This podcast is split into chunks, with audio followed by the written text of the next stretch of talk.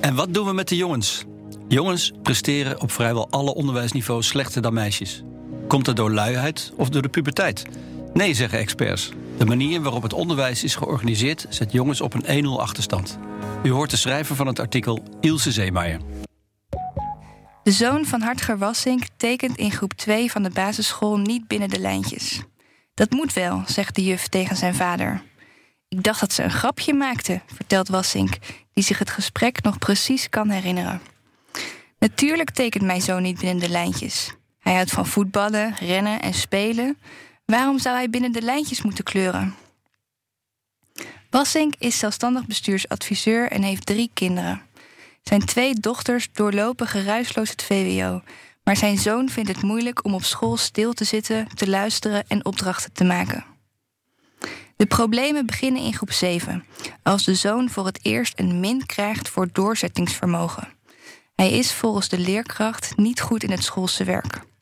De eindtoets en het schooladvies in groep 8 leiden tot stress en woedeuitbarstingen. De VWO Plus klas met extra projecten mag niet baten. In de tweede klas valt hij uit. Het verhaal van de familie Wassink staat niet op zichzelf. Jongens raken steeds vaker in de knel, laten experts zien in het boek De ontwikkeling van jongens in het onderwijs, dat onlangs is verschenen. Jongens doen langer over hun opleiding, blijven vaker zitten en stromen vaker af naar een lager niveau. De waarschuwing komt niet uit de lucht vallen. In april constateerde ook de onderwijsinspectie dat jongens aanzienlijk slechter presteren dan meisjes. De Onderwijsraad, de belangrijkste onderwijsadviseur van de regering, schreef in 2007 al over de taalachterstand van jongens en start na de zomer op verzoek van de Tweede Kamer een onderzoek. Hoogleraar neuropsychologie Jelle Jolles waarschuwt dat het huidige onderwijssysteem de kloof tussen jongens en meisjes vergroot. Jongens rijpen wat trager en kunnen niet goed omgaan met de vrijheid die van hen wordt verwacht, zegt hij. Daarom hebben ze een grotere kans om af te stromen naar een lager niveau. Als jongvolwassenen hebben ze dan niet bereikt wat ze intellectueel wel aan zouden kunnen. Zo krijg je jongens van 22 jaar die gefrustreerd raken. Dat wil niemand. Volgens Klaas Wiebo van der Hoek, bestuurder bij NAL Stende Hogeschool en een van de auteurs van het boek, leidt de achterstand van jongens tot een verspilling van talent. Als we niks doen, haken jongens eerder af, zegt hij. Halen ze geen diploma en krijgen ze lager geschoold werk. Dat is al gaande. Discussies over de verschillen tussen jongens en meisjes zijn van alle tijden. Terwijl twitteraars zich anno 2019 vooral druk maken over genderneutrale wc's, de zin en onzin van vrouwenquota en de politieke voorkeur van boze witte mannen, ploetert de wetenschap voort. Daardoor komen steeds meer feiten boven tafel. Door een nieuwe generatie hersenscanners en studies naar de cognitieve en sociaal-emotionele ontwikkeling hebben wetenschappers laten zien dat jongens en meisjes verschillen in hun neuropsychologische ontwikkeling. Meisjes lopen voor in taal en zij vanaf acht jaar beter in vaardigheden als zelfinzicht, motivatie, plannend vermogen, nieuwsgierigheid en het overzien van consequenties. Het gevolg is dat meisjes op de basisschool en in de onderbouw beter weten wat een leraar van ze verwacht en hoe ze een schoolopgave moeten maken. Jongens zijn ondernemender en vragen zich af waarom ze überhaupt huiswerk moeten maken. Ze zijn vaak minder gemotiveerd om goede cijfers te halen. Meisjes zijn braaf, luisteren naar de leraar en vragen minder zorg, vat Jolles de verschillen samen. Daar zijn scholen blij mee. Jongens zijn slordig en hebben geen zelfinzicht. Ze zijn vaak hyperactief of hebben ADHD en worden als lastig ervaren. Naast het inzicht in de ontwikkeling van jongens en meisjes maken de veranderingen in het onderwijs de kloof extra urgent. Zo hebben scholen hun curriculum en de manier van lesgeven aangepast aan de wensen van de arbeidsmarkt. Daardoor zijn vaardigheden en competenties in alle lagen van het onderwijs belangrijker geworden. Leerlingen werken op school bijvoorbeeld vaker in groepjes samen en docenten verwachten dat studenten zelf kunnen plannen. De veranderingen in het onderwijs pakken nadelig uit voor jongens, zegt onderzoeker Barbara Belfi van het Research Instituut voor Onderwijs en Arbeidsmarkt in Maastricht. Op cruciale momenten in hun ontwikkeling, zoals het eind van groep 8, zijn jongens echt in het nadeel omdat ze veel strenger worden beoordeeld op vaardigheden waarin ze op dat moment achterlopen op meisjes, zegt Belfi. Het jongensprobleem treft vrijwel elke school, in elke plaats en in elke regio, aldus Belfi. Toch is het onderzoek in de bestuurskamer van het hoger onderwijs vrij nieuw, zegt Van der Hoek van Hogeschool NHL Stende. Het meest schokkende cijfer vind ik dat er een verschil zit van 18% in de prestaties van jongens en meisjes. Dat is toch wel meer dan een wake-up call.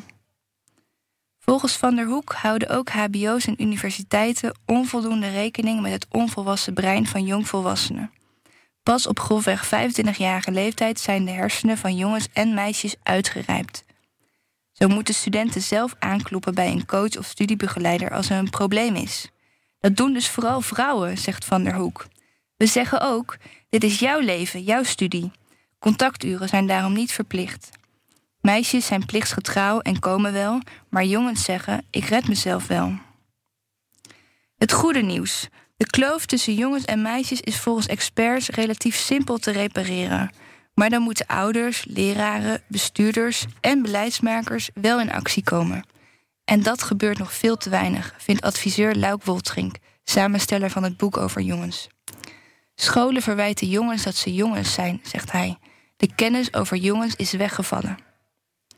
De belangrijkste sleutelwoorden zijn meer steun, sturing, structuur en inspiratie in het onderwijs, zegt Jolles. Dit geldt voor jongens en meiden die daar behoefte aan hebben. Denk aan hulp van ouders en leraren bij het plannen van huiswerk. Ook onderzoeker Belfi is voorstander van extra hulp. Als jongeren een coach krijgen die helpt met plannen, kijkt of ze op schema blijven en tips geeft over zelfstandig werken, dan gaat het beter. Jolles beseft dat de veranderingen die nodig zijn jaren gaan duren.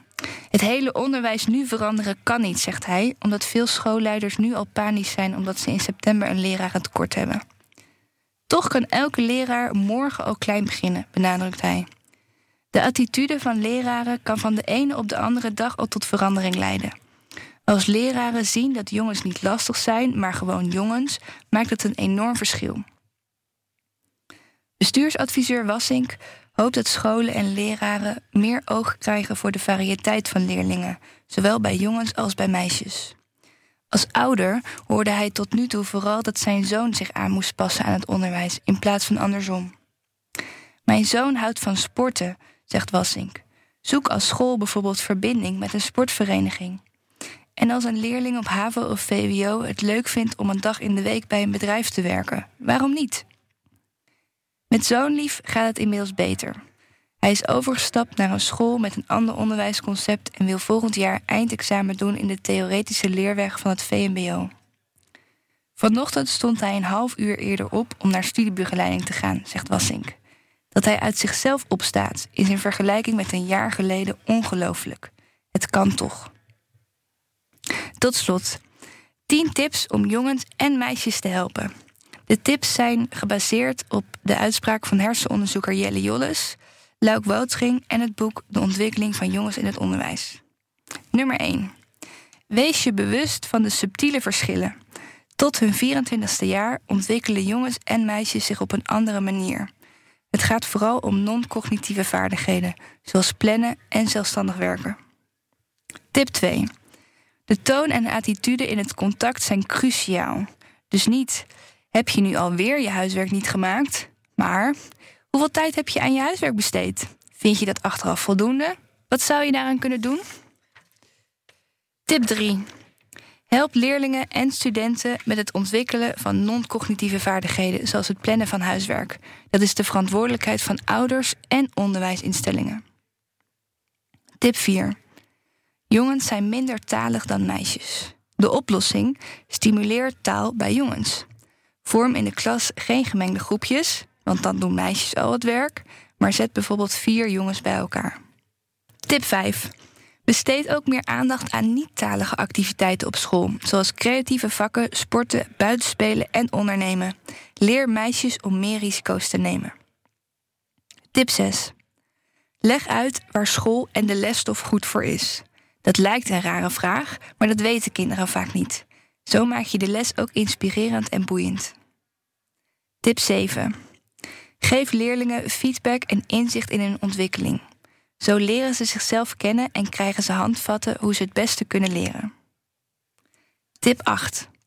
Kies als ouder van een zoon niet voor een keukentafelgesprek in het kwaliteitskwartiertje, maar voor een activiteit.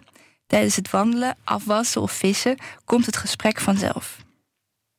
Tip 9. Kinderen van 10 of 15 zijn werk in uitvoering. Het lijkt alsof ze zelf beslissingen kunnen maken, maar dit is vaak impulsief. Dit geldt ook voor jonge mensen van 20. Tip 10. Kijk met een grijns naar jongens en meisjes. Op je vijftiende wist je waarschijnlijk zelf ook nog niet wat je precies wilde gaan doen.